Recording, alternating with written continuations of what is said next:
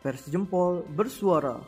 Tempat kami menyuarakan berbagai hal. dalam bentuk diskusi santai, Pembicaraan ringan dan seru. namun akurat. Progresif dan dan penuh fakta. fakta. Selamat mendengarkan. Oke, kembali lagi di Pers Jempol Bersuara. Kali ini host Gilang Sangsoko dan Oh, Cindy Claudia. Nah, gimana nih, Sin? Kuliahnya aman kah? Alhamdulillah sejauh ini aman bang. Kita udah berhasil ngelewatin satu semester online dan rutinitas harian kita ya siap sen, ngerjain tugas. Habis itu bolehlah lanjut tidur. Nah kalau Waduh. abang sendiri gimana nih? Waduh, boleh lah lanjut tidur. Kalau mau tidur itu yang paling utama pagi. Aduh, gara-gara online membuat saya harus tidur pagi selalu. Aduh. Tapi ya udah lah ya, itu pula keunikannya dari online itu. Terus mau nanya nih, gimana sekitarnya tuh? Aman kah? Sekitar aman bang dan aktivitas pun masih harus tetap kita jalani seperti biasa. Kuncinya juga kesehatan dan patuhi protokol kesehatan. Dan jangan lupa kalau keluar harus pakai masker. Bener kan? Nah, ini kita kedatangan bintang tamu yang luar biasa dari Ormawa yang cukup luar biasa. Boleh dong kenalin, silakan bang. Waktu dan tempat. Siap bang. Oke. Baik bang, perkenalkan saya Wildan Yusra Bintang dari LPM Suara Kampus. Di Suara Kampus saya menjabat sebagai pengurus di SKTV bang. Di Suara. Kampus TV. Sud, siap. TV gak tuh? Um, gimana bang? masih masih Baik. awam lah bang, masih awam. Aduh, siap. Gimana bang? Baik kah? Kabarnya alhamdulillah ya. Alhamdulillah bang. Ya gitu bang, kalau kita kuliah online ya gitu lah kan. Ya, agak maksimal gitu prosesnya di Suara Kampus itu. Terus gimana kuliahnya? Ada aman kan bang? Aman bang, aman aman. Insya Allah semester depan masih daring. Semangat. Semangat. Aduh. Gim- Gimana sih? Aduh. Terus di lingkungan sekitar Bang nih yang memperhatikan ya kan yang memperhatikan gimana tuh kayak pandemik dan segala macam masih mematuhi atau gimana gitu. Kalau di kota Solo sendiri ada yang matuhi ada yang tidak gitu bang. Cuman lebih ke tidak kayaknya bang. Soalnya kayak kayak kafe-kafe itu masih dibuka gitu kan. Oh kayak ada live akustik eh, bebas-bebas saja gitu bang. Cuman kemarin waktu tahun baru yang disidak sama Satpol PP bang. Untuk sekarang ya nggak ada gitu. Bebas. Nggak ada. Untuk di kota Solo. Udah bebas aja gitu kan. Iya udah bebas bang. Formalitas aja pakai maskernya bang. Iya, formalitas. Tiba-tiba buka gitu. Aduh. Ya udah. Kalau nggak kita masuk aja kali ya. Di segmen 2 di pertanyaan pertama. Yakni gini, gini, perbedaan ketika offline dan online pada waktu di Ormawa. Bang pernah ngerasain dia offline kan? Pernah bang. Pernah. Dan pernah juga ngerasain dia online kan? Ya sekarang online bang. Ah, nah di antara offline dan online tuh perbedaannya apa? Yang paling mencolok dulu deh. Yang paling signifikan gitu. Yang mencuri mencolok mungkin eh, prosesnya bang, proses di formawanya mungkin kita fokus ke suara kampus ya bang. Mungkin ke prosesnya gitu bang. Seperti sekarang kan itu ada anggota magang, anggota magang kau tuh kami magang itu eh, proses kami mungkin akan lebih baik daripada anggota magang yang sekarang gitu bang. Eh, gimana? Maksudnya anggota magang itu lebih lebih di online kan seluruhnya atau ada setengah-setengah masuk gitu? Eh, kami dari pengurus itu tetap menyuruh anggota magang itu ke Padang untuk berproses secara maksimal di suara kampus. Namun karena emang sedang pandemi, mungkin karena izin orang tuanya tidak ada. Jadi ya gitu bang, proses anggota magang itu eh, tidak berjalan dengan maksimal gitu bang. Oh. Jadi Intinya itu eh, proses di suara kampus itu yang kurang maksimal gitu bang. Kalau se- selama pandemi. Oh gitu, Cu. Tapi selain anggota magang nih, selain anggota magang, terus apa lagi gitu? Pasti kan ada visi misi yang gimana gitu kan? Gimana gitu? Untuk visi misi ya bang. Ya gitu sih bang. Kalau pas offline kan kita kebanyakan liputan itu kan langsung eh, cari isu, ambil list langsung ke narasumber. Kalau untuk eh, online ini kita perlu nyari itu dulu bang, nyari kontak narasumber dulu. Ketika dia bunyi, narasumbernya tidak eh, mau diwawancara atau dia lagi sibuk. Nah, jadi yang isu yang udah kita dapatkan ini bisa tenggelam gitu bang. Bisa basi jadinya berita itu. Kalau online tuh bang.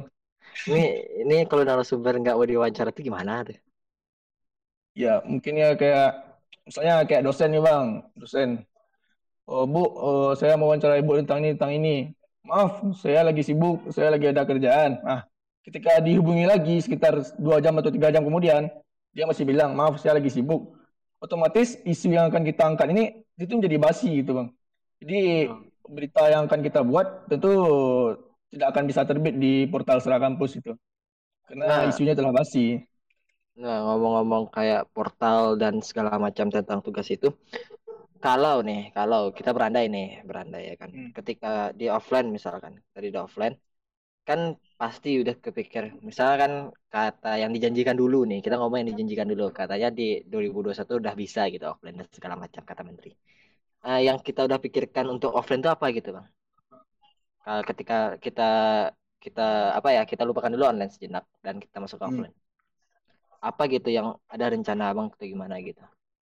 Rencana maksudnya dalam konteks apa nih Bang?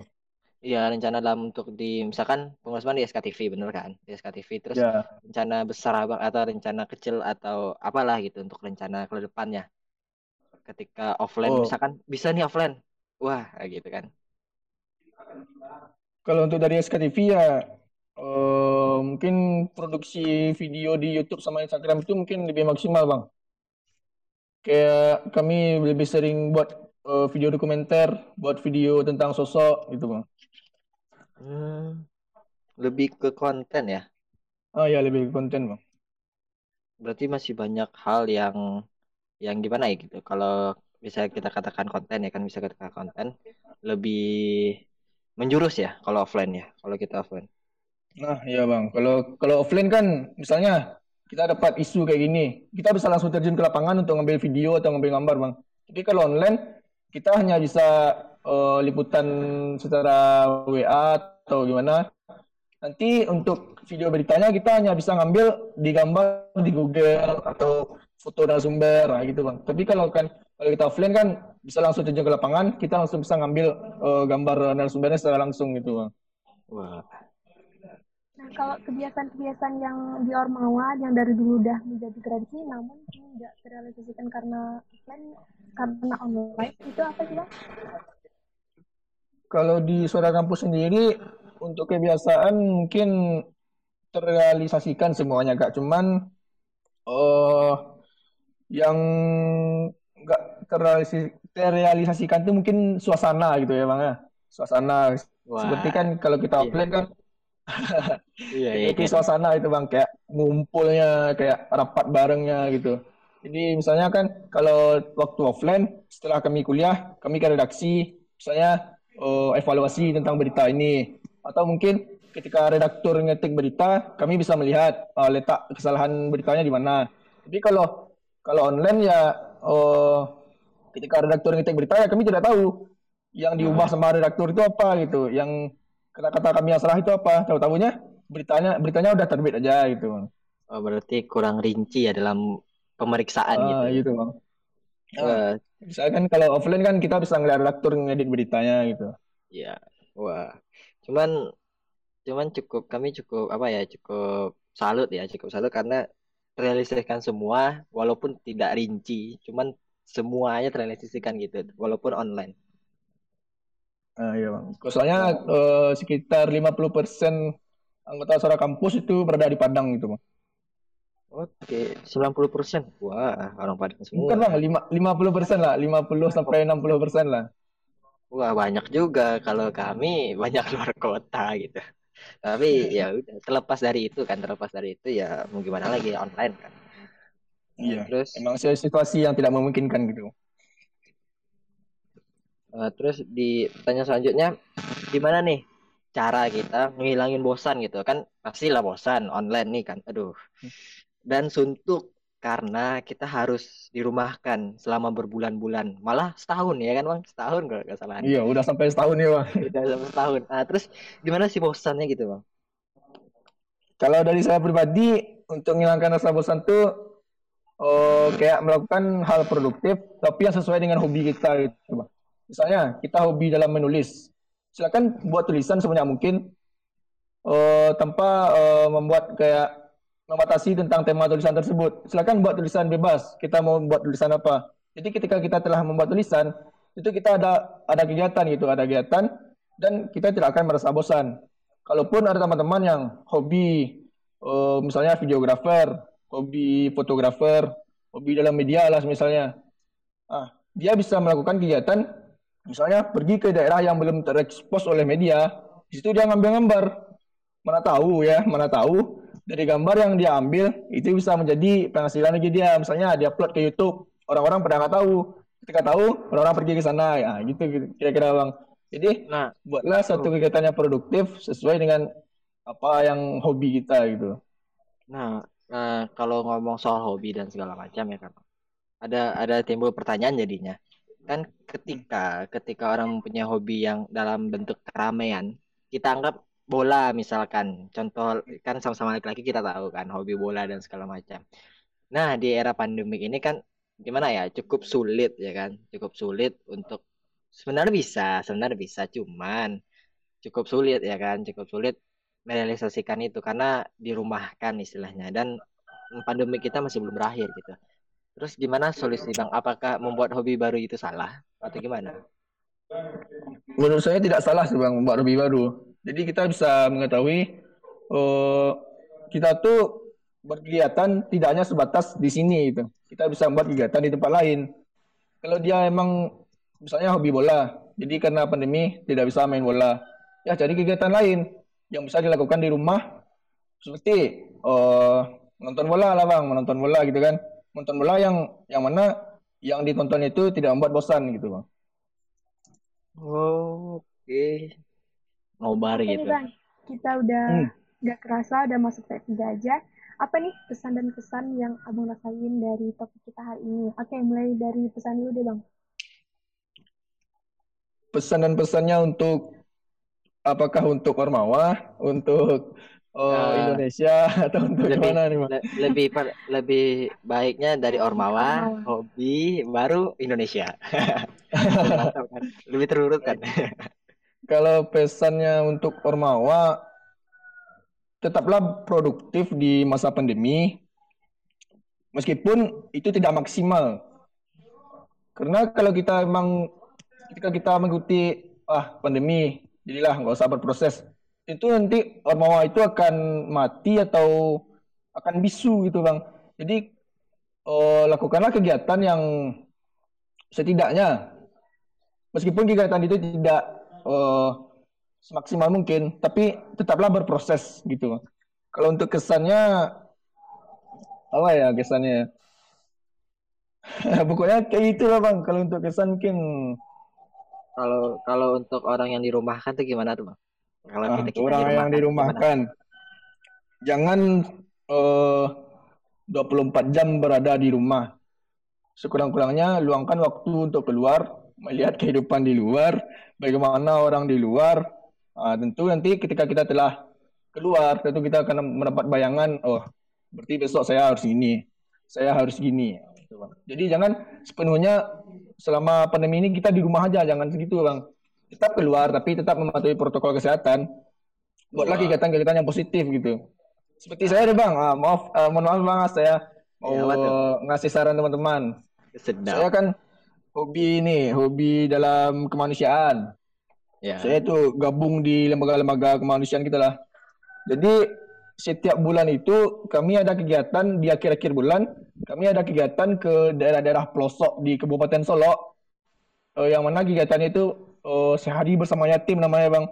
Jadi di situ kan kayak uh, setiap bulannya kita tidak bosan gitu. Setiap bulan kita ada pergi refreshing, setidaknya pergi ke daerah pelosok itu adalah sebagai refreshing bagi diri kita sendiri dan juga sebagai manfaat untuk orang yang kita kunjungi. Nah, gitu. Wah, selalu bermanfaat. Oh iya, berarti maksud Bang kayak uh, berarti ke panti asuhan gitu ya? Bukan Bang, kalau kami di kegiatan itu pergi ke daerah pelosok gitu Bang. Daerah pelosok yang memang jarang terekspos oleh pemerintah. Meskipun terekspos mungkin hanya setahun sekali itu. Oh gitu yang oh. jauh dari pusat kota lah ya daerahnya gitu. Oke. Nah, kalau untuk pesan-pesan yang luar biasa itu dan harapan bang deh dulu harapan bang untuk pandemik ini bagaimana gitu kan ya kita udah, udah bosan sebenarnya sih ngomong pandemik dan segala Ya, macam udah ngomong ngomong pandemik segera berakhir itu sebenarnya Itu. kita udah bosan bang. Soalnya kita nggak tahu kapan berakhirnya. Ya, harapannya aja deh untuk orang-orang yang mungkin yang berjuang di sana atau yang sekarang ini, yang sekarang lagi berjuang mungkin dan eh, lagi untuk bertahan untuk supaya nggak kena gitu. Kayak gimana sih? Harapan bang. Yang pertama, yang pertama mungkin harapannya untuk eh, sahabat-sahabat kita yang menjadi relawan atau dokter atau petugas-petugas kesehatan, semoga sehat selalu, tetap semangat, jangan putus asa dalam menebar kebaikan. Yang kedua untuk orang yang sedang berjuang melawan COVID, eh, yang mana dia dinyatakan positif corona, jangan putus asa, soalnya COVID ini bukanlah penyakit yang berbahaya. Kalian bisa sembuh jika kalian ingin sembuh gitu. Iya. Kalian bisa sembuh jika kalian semangat dalam menghadapi penyakit yang kalian hadapi. Selanjutnya pesan untuk teman-teman yang sampai sekarang alhamdulillah masih belum terkena corona. Jadi kalian jangan jangan kalian kayak berbangga gitu. Ah, saya kan nggak positif, ngapain saya pakai-pakai masker, ngapain saya ini? itu, itu itu tidak boleh itu. Jangan arogan. Ke mana pun deh. kalian, setidaknya kalau udah keluar dari rumah, sekurang-kurangnya, sekurang-kurangnya pakai masker. Kalaupun tidak pakai hand sanitizer ya nggak apa-apa. Sekurang-kurangnya gitu pakai masker gitu. Jadi eh, kita pun jadi aman gitu bang. Selain dari corona, kita juga aman dari debu-debu atau polisi di jalan raya gitu. Wah, mantap sekali. Oh ya, pesan-kesanku nih yang ku petik dari seluruhnya tadi. Untuk pesanku kali ini di Ormawa, untuk pesanku di Ormawa, eh, tetaplah berjuang, berusaha walaupun itu nggak maksimal. Cuman ketika itu tidak rinci, ketika itu tidak detail, ya setiap manusia memiliki kesalahan, benar kan? Cuman dan satu lagi, ketika kita maksimal di off- offline, mengapa nggak kita cari cara baru di online? Setiap orang masih setiap orang masih hak masih punya hak untuk berpikir kan, untuk Iya. untuk melaksanakan online dan segala macam gitu. Dan untuk hobi, ya hobiku selain ngegame dan podcast dan nulis, eh, mencari mencari hobi baru itu nggak salah pasti. Cuma mencari hobi banyak hobi baru orang dia yang kita lihat yang trending deh, misalkan TikTok itu kan hobi baru TikTok. orang selama pandemik naik TikTok pasar TikTok semakin naik. Karena apa? Hobi baru orang masuk di situ. Karena orang bosan gitu. Iya udah setahun kan ya. Kan kita berharap pandemi ini akan segera berakhir ternyata tidak gitu ya kan. Dan semoga sangat berharap kita segera berakhir gitu. Dan harapan ke depan untuk orang-orang di luar sana yang lagi berjuang ya ya sebelum sama sebelum tadi jangan putus asa gitu. Ini penyakit yang bisa dikatakan berbahaya juga bisa dikatakan tidak gitu. Ketika kita ketika kita apa namanya harus untuk berjuang harus untuk melindungi diri lakukanlah. Jangan arogan jangan sedikit pun berpikir kalau eh, apa pun yang di luar sana itu nggak berbahaya dan kita masih seperti normal pada saatnya. Kita tidak lagi normal dan tolong diwajari. Nah dari sini nih gimana? Kalau menurut ini pesan yang ingin disampaikan, kalau dari pesan, jangan jadiin eh, online atau pandemi ini sebagai halangan buat kita beraktivitas gitu. Malah dengan cara ini kita harus eh, nemuin cara lain gimana kita tetap eh, beraktivitas seperti biasanya dan kita nggak anggap ini tuh beban gitu. Dan dan harapannya mungkin kalau eh, masalah kayak eh, perkuliahan atau atau ormawa itu em, bisa sih kita usahain untuk tetap muka tapi dengan syarat harus eh, terus mematuhi protokol kesehatan itu sih bang dari sendiri sendiri. Ah, sedap. Mungkin udah kali ya di seg- di podcast episode kita kali ini di episode 2 bersama Bang Wildan. Eh, Siap, Bang. gimana Bang? Ada tambahan atau gimana gitu? Ya tambahannya mungkin semoga kita bisa kuliah offline secepatnya gitu bang. Soalnya saya dan Amin. teman-teman mungkin bukan bukan saya teman-teman, saya dan teman-teman mahasiswa se Indonesia mungkin sudah bosan sudah gabut di rumah itu. Iya, benar. Eh, Jadi dari ya semoga offline itu kuliah. Wes. Oke, dari pernyataan barusan mungkin itu adalah kata-kata yang paling kita harapkan dan semuanya kita. Oke, Sin. Iya. eh, dari kata-kata terakhir mungkin bisa jadi penutup kita. Dan terima kasih banyak Bang Wildan telah meluangkan waktunya untuk podcast Terima kasih, di. Persjempol Bersuara. Eh, baik, saya host Ya, Bang. Gilang Sangsoko dan Saya co-host Cindy Claudia. ah, pamit undur diri. Yang ingin melanjutkan tidur silakan dan ingin melanjutkan pekerjaan juga silakan. Bye.